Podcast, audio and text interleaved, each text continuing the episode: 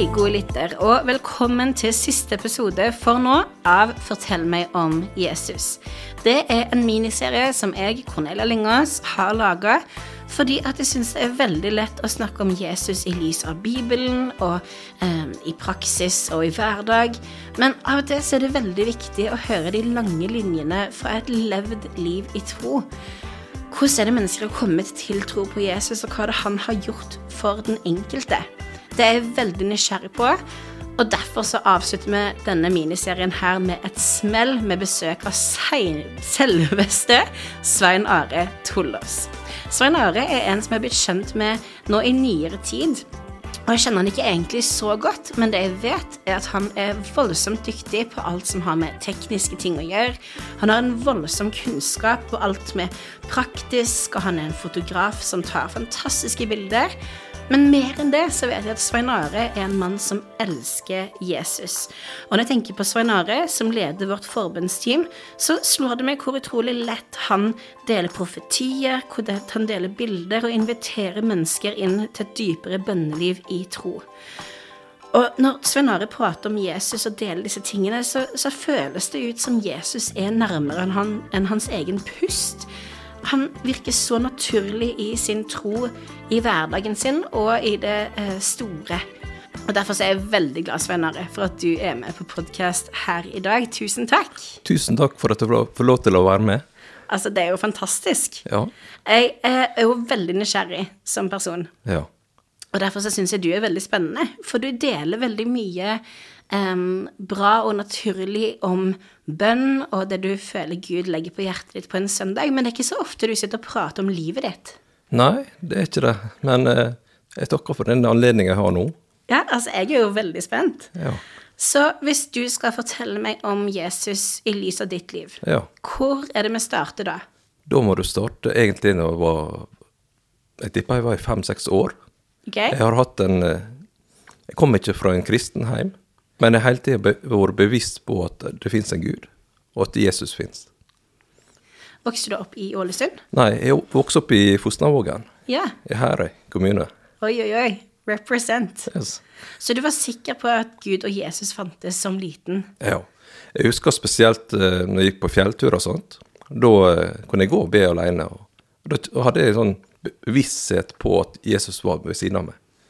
Hva, hva, ba du om da, husker du det? Nei, det husker jeg ikke, men det var akkurat jeg gikk og småprata med Jesus om alt mulig, egentlig. Eh, men fortell litt, da, hvordan så barndommen din ut? Eh, barndommen min var i Fosnavågen, og eh, ja, jeg var mye alene. Jeg ville ikke gå i barnehagen, så da var det fiskestang og redningsvest. og ja, så jeg gikk mye ned på kaia og fiska fisk og var på båter og kosa meg. Oi, det høres jo veldig idyllisk ut. Ja, det var nydelig. Men, men skoletiden, da? Skoletida, den var litt uh, Det gikk bra, faktisk uh, god stund. Helt til uh, det kom en tøff periode da jeg begynte i 5.-6. klasse. Da ble jeg mobba. Mm. Så da Det var et tøff, vanskelig periode. Absolutt. Men jeg kom gjennom det, og Ja. Men det har satt preg i meg. Men jeg kjenner at det er en styrke som har kommet ut av det likevel, da. Det har det. Mm. Altså, mobbing er jo aldri mobbeofferet sin feil. Det er jo alltid mobberne som sitter med et problem eller med um, en uro. Uh, men det er jo vanskelig å holde fokus på når man er 10-11 år. Ja, når du blir mobba, så er det veldig vanskelig. Og derfor er det sånn Ja, det er Du føler og du tror at gjerne at det er din egen feil. Jeg ble mobba pga. at jeg har et annet utseende. Jeg er fra Korea. Og derfor ble jeg mobba. Mm. Og det, derfor jeg kjenner at det er nulltoleranse når det gjelder mobbing. For det er så destruktivt for den som blir mobba. Også den som er mobber også, for at dere får et helt feil sjølbilde på hvem de er. Mm. Helt sant. Og utrolig leit at du var gjennom det. Ja. Men, eh, men når løsna det, da? Det løsna når jeg begynte å trene. Trente kampsport. Oi. Så eh, det endte med at jeg ble, hadde min egen eh, taekwondo-klubb, og jeg trente veldig, veldig ulike, mange ulike kampsporter. Judo og Så da eh, fikk jeg fred.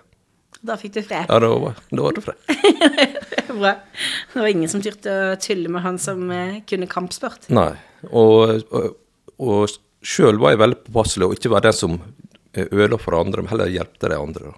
Mm. Det var det. Og så Ja. Nei, det Ja. Nei, jeg husker spesielt en gang da jeg var ute og fiska. Da var jeg kanskje litt eldre, jeg tippa jeg var 12-13 år. Så var vi oppe i ei snekke, og vi fikk garn i propellen. Nei. Og eh, det blåste veldig mye. Og vi var langt ute i Breisundet. Og eh, kameratene mine de skar av garnet. Det gjorde at vi fikk ikke start på og vi begynte å drive inn noen store, bratte eh, klipper så bare sjøen bare slo over. Og jeg husker det at eh, da satte jeg meg ned på kne og ba. Folde hendene mine og ba. Og eh, møtte en av de kameratene mine mange år etterpå. Og så husker du den gangen du satte ned og ba? Ja, det gjør jeg. Men husker du hva som skjedde etterpå? For da kom det en båt. Rett etterpå jeg var ferdig å be, så kom det en båt og berga oss inn igjen. Og hadde ikke den båten kommet, så er jeg ikke sikkert jeg hadde sittet her i dag. Oi. Det er jo et stort bønnesvar, det. Det, er- ja, det er det. Det prega jo garantert kompisene dine som var med på tur Ja, også. for når han begynte å eh, gjøre narr av det, husker du det som skjedde? Da, da bare satt jeg med geipen igjen og bare så på meg. Ja, jeg husker det. Og det er herlig. Herlighet. Men du, så du trodde på Jesus, eller du visste at Jesus fantes fra en veldig ung alder, Ja. men du var ikke fra en kristen hjem. Hadde du liksom en Altså frelsesvisshet, eller eh, Jeg visste ikke hva det var for noe. jeg da. Nei. Nei, jeg bare hadde tro på Jesus. Det er fantastisk. For jeg har aldri fått opplæring i det da. Og, men det som er at jeg tror at uh, i Korea så er mine foreldre har bedt for meg. Så min, mine bi biologiske foreldre. Det tror jeg. Ja, for du er adoptert? Jeg er adoptert fra Sør-Korea. Å, det visste jeg ikke. Nei. Wow. Så eh, men, men eh, møtte du på kirke i skoleveien, eller tro Altså eh, Vi møtte kirka. eh, Læreren vår hun eh, var kristen, da, så vi fikk nå litt Guds ord, og vi lærte salmeversene og alt dette der. da. Ja. Så det gjorde vi. Det er jo fantastisk. Tenk det å kunne være så sikker på at Jesus fins fra så ung alder. Ja. Og vite at han svarer på bønn. Og så til og med når man ikke har fått det. Ja, det er, men det bare viser hvor stor Gud vi har. Og absolutt. Så det Så du eh, blir redda på båttur, og du har et par kompiser og er rå i kampsport og lever livet. Visste du hva du hadde lyst til å bli? eh, Jeg begynte å studere markedsføring. Ja. Og så eh, siste året på markedsføring i Ulsteinvik, da, så valgte jeg foto. Og eh, da kjente jeg wow, dette er det jeg vil holde på med. Så eh, da ble det en karriere inn mot foto, og det var ikke lenge etterpå. Da begynte jeg å jobbe i Vikebladet Vestposten og Sunnmørsposten, og frilanser for eh, alle magasin og aviser i hele Norge. Så ja. Märtha Ari gifta seg i Trondheim, så var jeg tok bilder for der. Er det sant? Ja, ja. Og så eh, tok, tok bilder, og tysk tyske Stern eh, fikk kjøpte bilder med en dobbeltside, så de ringte meg eh, et par dager etterpå. Jeg hadde lyst til å jobbe med, med det kongelige Norge og Sverige og Danmark? Så det, men jeg sa nei, jeg skulle gifte, dette var i mai, og jeg skulle gifte meg samme år i, i, i august. Så jeg, jeg takka nei, for da visste jeg at da måtte jeg bo i en eh, koffert og reise rundt. ikke sant?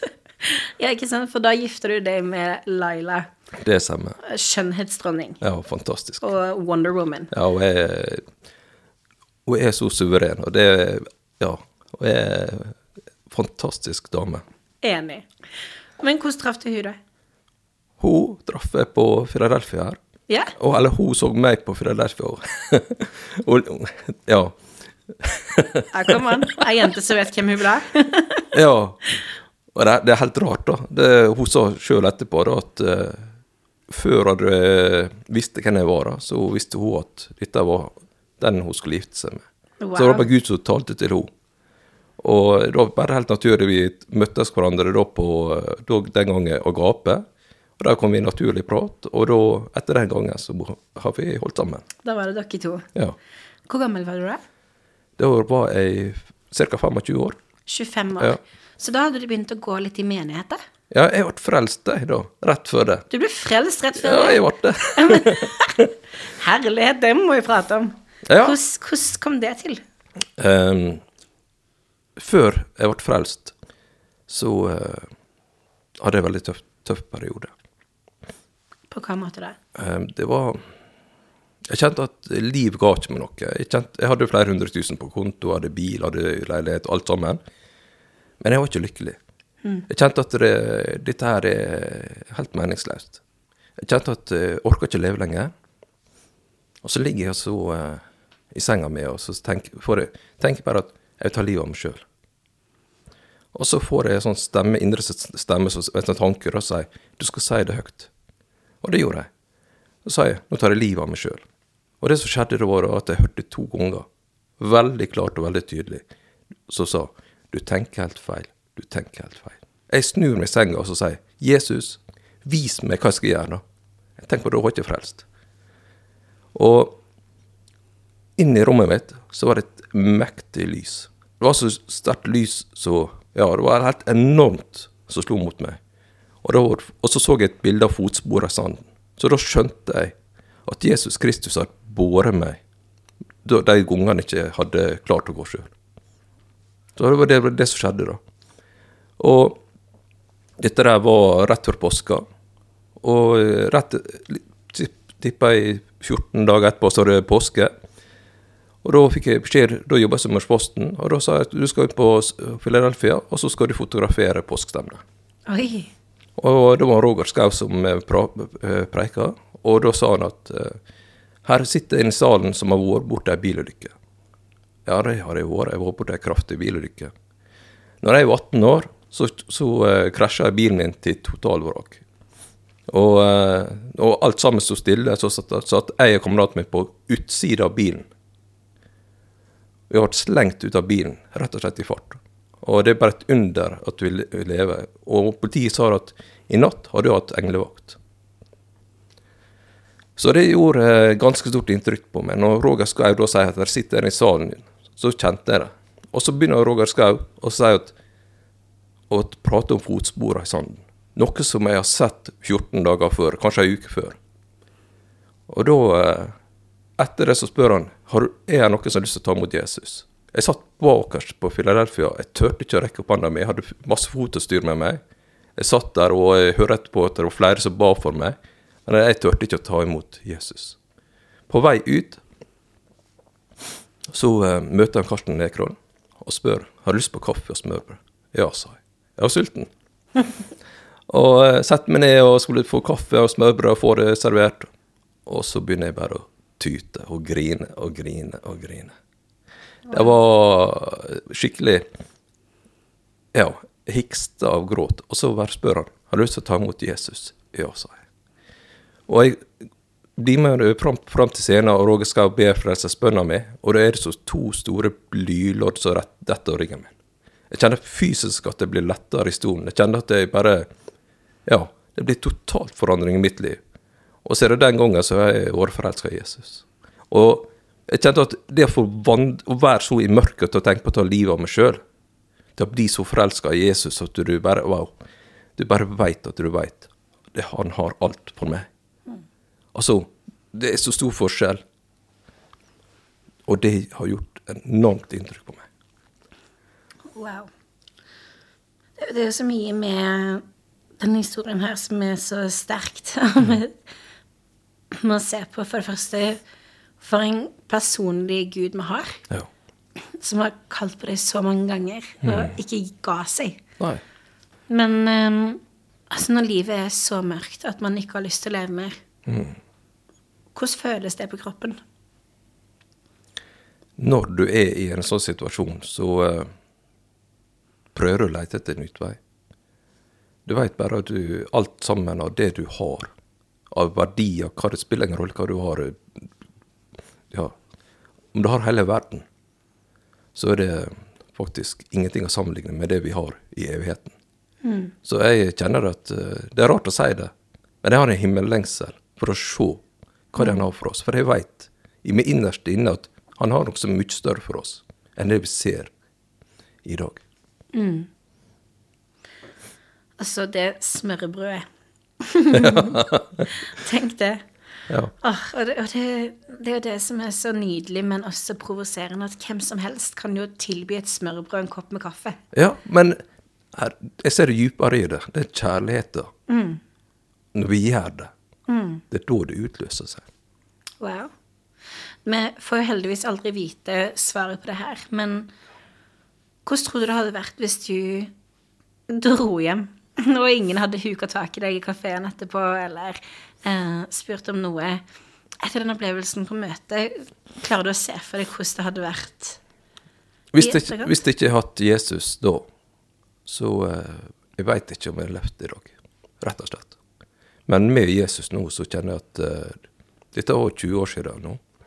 Men etter det så jeg ser at faktisk det er bare ett alternativ, og det er Jesus Kristus. Kom on.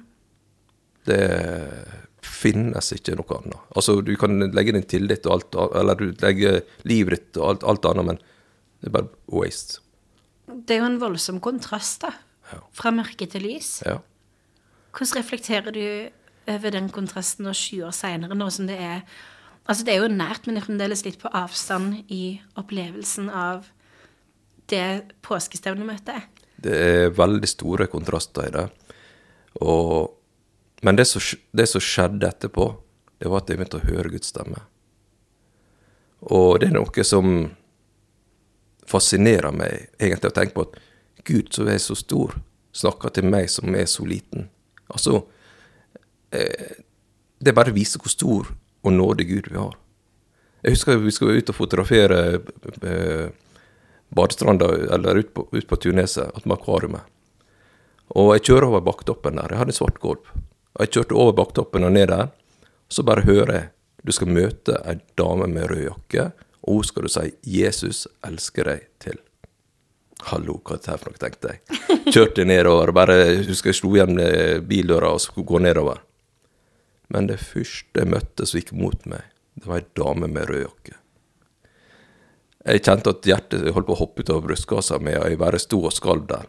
Og jeg gikk ned mot henne, og så møtte hun, og så sa jeg 'fint vær ute'. Men det var ikke det du skulle si, Svein Are. Men jeg gjorde det, og jeg kjente at jeg fikk ikke fred.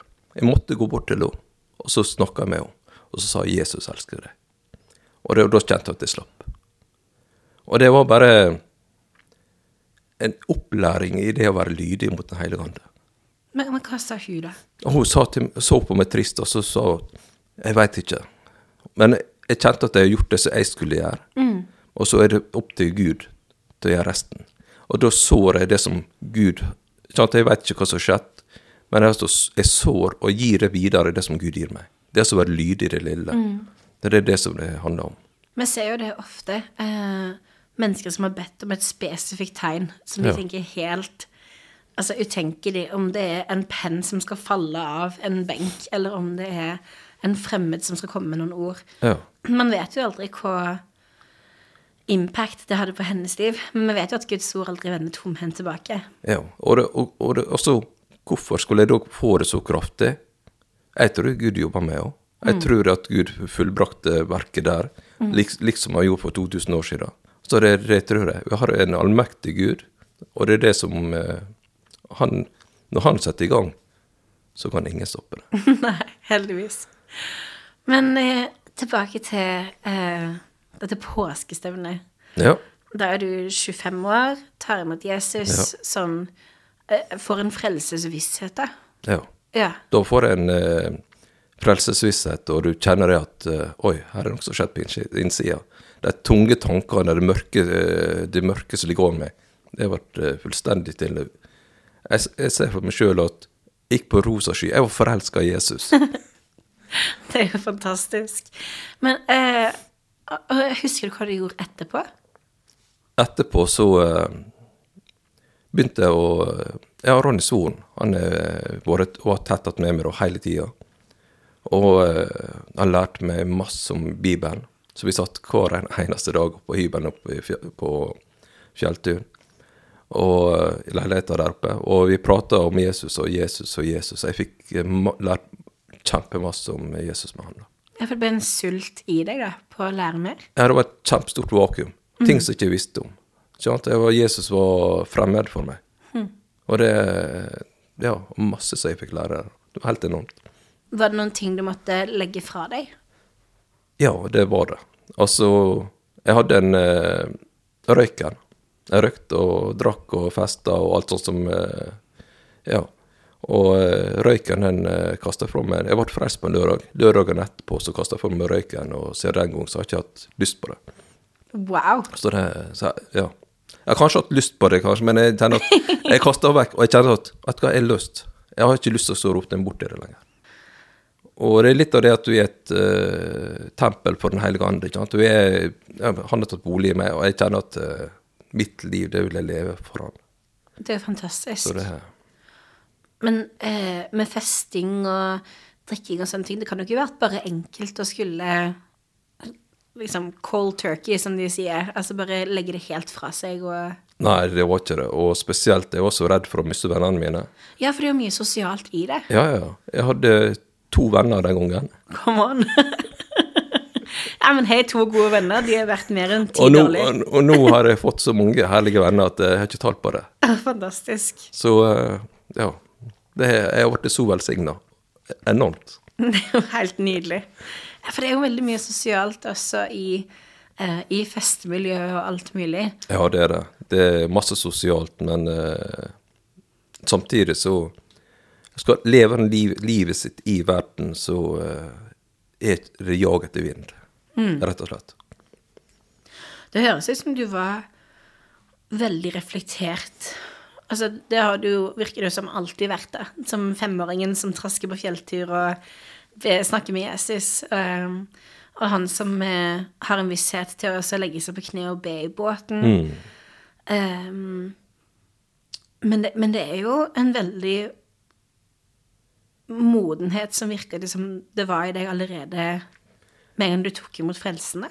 Ja, det var en naturlig, overnaturlig visshet, kan jeg kalle det. Altså, det var Jeg visste at Jesus var der, men jeg visste også det at jeg levde, levde ikke et liv som han hadde behag i.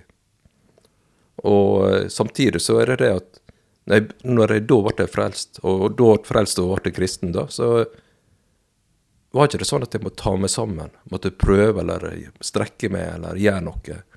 Nei, jeg kjente at det var en fullstendig hvile og en visshet, og det, da var det bare viktig for meg å spise ordet. Altså spise, få til meg mest mulig av hva er det Gud sier, hva er det Gud vil med våre liv, og da kjente jeg at det bare ga meg styrke, og det, det var det som kom ut igjen.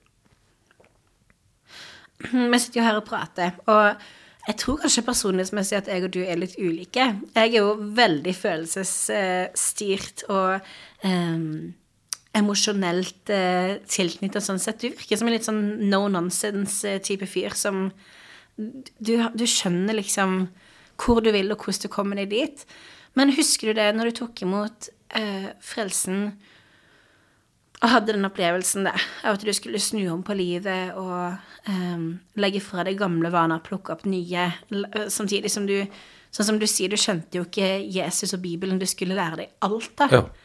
Husker du litt hva du, hva du følte på? Altså, var det Var det bare en ivrighet over hvor du skulle, eller var det også et, en skam og et vemod med det du hadde gjort og skulle legge fra deg? Altså, og disse herrene tankene om at livet ikke var verdt å leve, slapp de med en gang?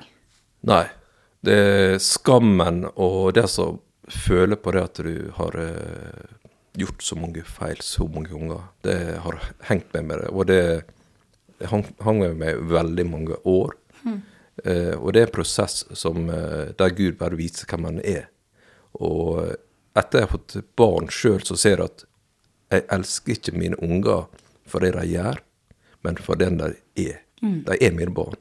Og, det, og så tenker jeg på Gud, han elsker meg på samme måte. Jeg er hans barn. Og da elsker han meg som jeg er. Og veit alle mine svakheter. Og veit alle mine styrker. Men det som jeg ønsker, det er at det som ligger på hjertet mitt, det er at Gud får lov til å gjøre det som han vil gjennom meg. Og det var litt av det som jeg kjente når jeg holdt på å dø under koronaen i, i fjor. Da ligger jeg på sykehuset, og så Jeg ble bare dårligere og dårligere. Jeg var så dårlig at jeg fikk ikke til med lite, lite glass med yoghurt eller hva jeg fikk. Fikk ikke til med, jeg var så vidt jeg fikk det til med ett per dag. Og jeg kjente at jeg ble så svak. Jeg kjente at jeg holdt på Dette er slutten. men jeg kjente ikke en frykt eller angst på å dø. Jeg hadde mer en lengsel på kanskje å dø. Og jeg sa til Jesus at jeg kjente, jeg kjente at det var siste bønna mi. Eh, det kom så langt, da. Så sa jeg til Jesus Jesus, jeg ber om dette er min siste bønn, så ber jeg om at la din vilje skje i resten av mitt liv. Og når jeg ber den bønna, så kjenner jeg en styrke som kommer tilbake igjen. Og da, da hører jeg Guds stemme som sier til meg Svein Are, du skal begynne å jobbe på Philadelphia. Og så sa jeg til Gud Gud, jeg begynner å jobbe på Philadelphia. Hva jeg skal jobbe med? Sant? Og jeg fikk ikke svar der og da. Men eh, jeg tror at tre uker etterpå så kom han Børre til meg og sa Sånn Are, har du lyst til å jobbe i Philadelphia? Fantastisk. Ja, for nå har jo du blitt utleieguru eh, Ja, ja. på Philadelphia. Ja. ja, men det som jeg ser, er at når vi får inn penger, så ikke jeg Jeg ser ikke for meg sånn onkel Skrue, men vi ser på eh, Tenk på det som vi gjør i Fusten. Altså Yngvar og Hege og det som skjer. Vi er, er rause, vi gir ut, vi hjelper, vi strekker ei hånd til. Og så ser du Altså, vi er med både her og der. I Afrika, og vi er det arbeidet som er med. Så jeg ser at pengene som går inn, det er investering i andre sine liv. Og da er det For min del så kjenner jeg at her Det er lenger enn å bare ha en vanlig jobb. Men det er altså å ha en jobb der vi kan være med og velsigne andre Wow. gjennom det. Vi ehm, driver jo og lander litt, men jeg lurer litt på dette her, fordi jeg vet jo at du og Laila, kona di, har stått i en del stormer sammen. Ja. Um, og eh, du nevner jo sjøl at selv om du tok imot Jesus og fikk gå fra mørke til lys, så har det jo ikke vært ehm, eh, easy hele veien siden. Det har vært eh, voldsomme utfordringer kasta deres vei. Eh, kanskje også um, Sistnevnte, sånn som du sa, med covid. Um, og dere, dere lå jo virkelig nær døden. ja. Men hvordan har det sett ut i ekteskapet deres å søke Gud sammen i de stormene? Det har vært stormer som ikke Der vi ikke visst fram eller tilbake igjen. For eh, det er nå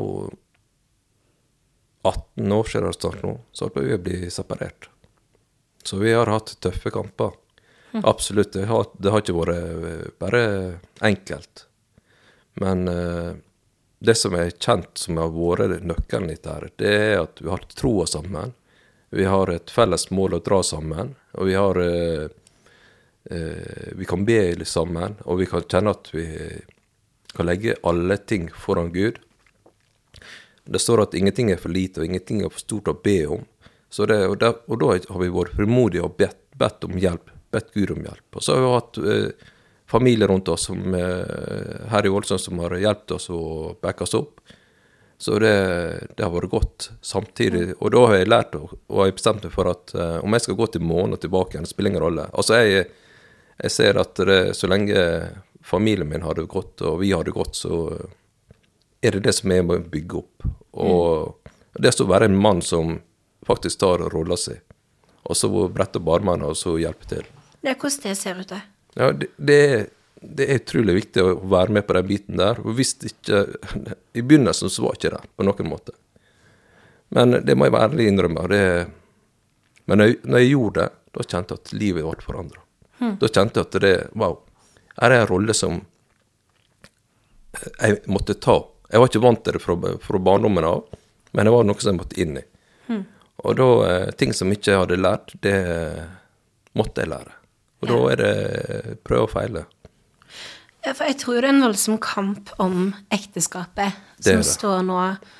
Altså åndelig, kulturmessig. Um, vi ser jo på eh, at det som pleide å være 50-50, nå har blitt 60-40. At 60 skiller seg. Ja. Hva, hvor, hvor, ser det rent praktisk ut for mannen å ta sin rolle i et ekteskap? Ja, altså Hvis du ser på sosiale medier og alt på YouTube, alt sånt som er, så er det mange ting som frister. Ikke sant? Nakenhet og seksualitet og alt sånt der. For det første så er Sånn som jeg ser det, så er det en sånn eh, fiskekrok med agn på. Jeg liker å bytte å fiske. Men sånn, så fisk, Satan sitter med en sånn fiskekrok med litt agn på. Ja, ja. Og så er det opp til oss. Skal vi bite på dette her, eller skal vi bare la være? Og da må vi bare ta et eh, bestemt valg. Sånn som det der, det ser jeg ikke på. Det er søppel. Og så uh, satte, for, fikk jeg et bilde for at uh, hvis jeg skal lære ungene mine noe, det er litt av det samme, da, og så skal du da sitte på en søppelhaug og så spise de søpla? Nei. Vi er nødt til å ta et valg og komme oss derifra. Mm. Og Det vil si at ok, ser han sånn på, på ser jeg sånn der, så bare blokkerer jeg det. Jeg vil ikke ha det. For dette der vil jeg ikke bruke tid på. Mm. For dette der er som gift, og en fristelse kommer inn, og da kan det ødelegge ekteskapet. Og det er noe som Ja, jeg kjenner for at som mann så er du nødt til å være bevisst på det. Mm. Absolutt. Det står jo det i Bibelen uh, at kvinnen skal ja, underordne seg mannen, men mm. mannen skal jo elske kona si som mm. Jesus har elska ja. oss. Ja. Det er jo ganske altoppslukende. Det er det. Veldig spennende. En liten uh, Et lite sidekick der. Men uh, det, jeg tror det er viktig å snakke om, altså. Veldig spennende. Du, hvis du skal um, Hvis du skal fortelle meg én ting om Jesus ja. Og det her spørsmålet har jeg styrt de andre gjestene. Ja. Uh, det her blir siste gang i sesongen jeg får lov til å gjøre det. Men hvis du skal fortelle meg én ting om Jesus, i lys av ditt liv, og erfaring, mm. hva sier du da? Det som jeg sier, er at uh, Jesus han taler til oss hele tida. Det står at uh, sauene Jesus han er døra, ikke sant? Og vi er sauene som hører hans røst. Altså får høre hans røst. Vi som er frelst, vi hører og ser hva er det han vil. Og du ser også i tida som vi står i. Og når han bruker oss, så sier han så Det bare viser det hvor stor og hvor mektig han er, og gir oss tilliten til oss. Men den autoritet og den kraft og den fylde som vi har fått da, i Kristus, er enorm. Og når vi bruker det, så er det, er det med på å forandre nasjoner, forandre folk. Og jeg ser eh, igjen og igjen når vi var ute på gata før eh, coviden kom og prata med folk, og vi ser at Ålesund er sulten. Ålesund har lyst til å Ungdommene har lyst til å høre. Spørsmålet er det om er det folk som har lyst til å gå ut. Jeg har sagt Gud, her er jeg, bruk meg. Det er det eneste som ligger på hjertet mitt. Det var mm. det. Altså, for en samtale så utrolig uh, For et privilegium å få bli bedre kjent med deg og din historie, og takk for at du deler så åpent og ærlig. Tusen takk for alt arbeidet du gjør i byen vår og for kirka vår, uh, og for Guds rike, ikke minst.